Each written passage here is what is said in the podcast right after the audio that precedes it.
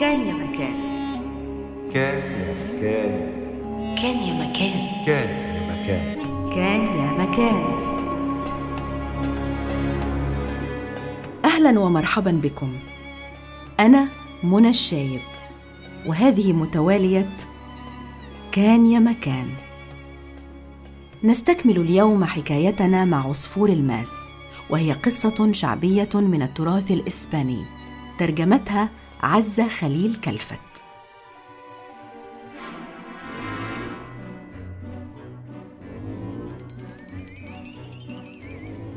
انتهينا في المرة الماضية عند اكتشاف الابن الأصغر أن وسادته يظهر تحتها كل يوم كيس مليء بالذهب. فعاد إلى أبيه يسأله عن سر ذلك.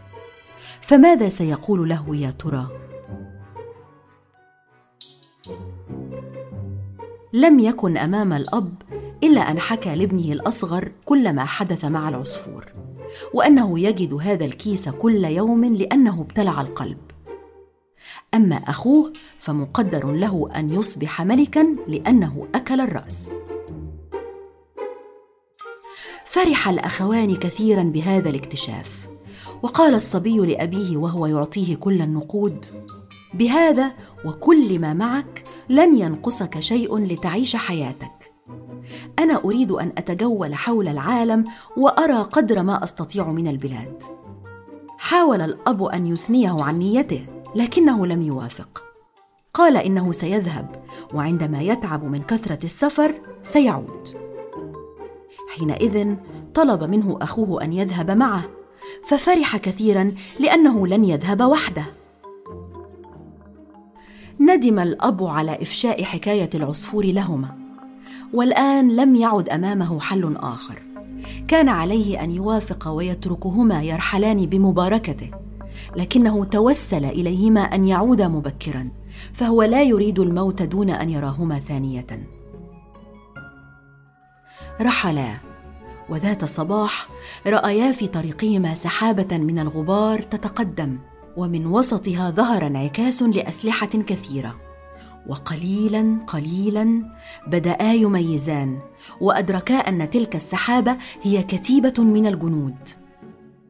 عندما وصلا إليها توقفت واقترب من الأخ الأكبر بعض الخدم وقدموا له طاولة عليها تاج وكل الأوسمة الملكية قائلين إنهم ينصبونه ملكا. وإنه وفر عليهم نصف المسافة فهم كانوا ذاهبين إلى بيته بحثا عنه. ولأن أباهما كان قد حكى لهما عن العصفور لم يفاجئهما ذلك. وهكذا قبل الأخ الأكبر التاج وترأس الجنود وإلى جانبه أخوه وواصلوا طريقهم حتى وصلوا إلى عاصمة تلك المملكة حيث جرى استقبالهم باحتفالات هائلة. ظل الأخ الأصغر مع أخيه طوال مدة الاحتفالات وبمجرد أن جلس أخوه على عرش الحكم أخبره بأنه سيكمل رحلاته. توسل إليه الملك أن يبقى ووعده بأن يوليه أهم منصب في المملكة ويزوجه من أميرة لكنه رفض لأنه يرغب في رؤية بلاد أخرى. وبالنسبة للزواج هو لا ينقصه أي مال ولا يريد أميرة وإنما فقط امرأة جميلة يحبها. رحل. وأخذته الطرق من بلد إلى آخر حول العالم. حتى وجد أجمل امرأة. كانت يتيمة تعيش مع خالتها. لكنهما فقيرتان جدا. طلب يدها. ورغم أنهما لم تعرفا مكانته فإنهما رأتا أنه وسيم ويستطيع أن يحصل معاشا مناسبا فوافقتا عليه. وتزوج الشابة الجميلة. بعد فترة قصيرة لوحظ أن ماله لا ينقص ابدا وفي الوقت نفسه لم يره أحد وهو يعمل. كان يقول إنه ترك أمواله في مكان آخر ومن هناك يرسلون له دخلا. لم يلح الغرباء لكن خالة الفتاة الطماعة جدا لم تكن ترى أي شخص يأتي بنقود. ولفها الفضول كثيرا لتعرف من أين يأتي بها. ولأنها لم تتمكن من ذلك كلفت ابنة أختها باكتشاف الأمر. كانت زوجته هي الأخرى لديها رغبة في فك اللغز. وعلى الرغم من محاولته الاعتذار وعدم قول أي شيء إلا أنها ألحت كثيرا إلى أن حكى لها في النهاية ما حدث مع العصفور. وعن سبب عثوره على كيس مليء بالذهب كل صباح تحت الوسادة. ولهذا لن ينقصهم شيء ليعيشوا حياتهم. لكنه أكد عليها الا تقول شيئا لأحد وإلا سيكون هذا مؤذيا. وعدته الزوجة بأن تكتم السر لكنها بمجرد أن خرج ذهبت تحكي لخالتها فأعطتها مسحوقا وطلبت منها أن تضعه لزوجها في الشراب. وهكذا ستعرفان ما إذا كان كلامه حقيقيا. نفذت الزوجة تعليمات خالتها ومع جلوسه لتناول الطعام ألقت المسحوق في الشراب دون أن يراها فشربه بلا تخوين. وبعد قليل شعر بالتعب وأخذ يتقيأ حتى أخرج كل ما كان في معدته ثم ذهب لينام. راحت العجوز تبحث من ورائه فوجدت القلب. غسلته وابتلعته عندما استيقظ في اليوم التالي أخذ يبحث تحت الوسادة فلم يجد شيئا. سأل زوجته عما إذا كانت قد أخذت الكيس فقالت لا. ومع تكرار ذلك في باقي الأيام اهتزت ثقته في زوجته وتشاجر معها.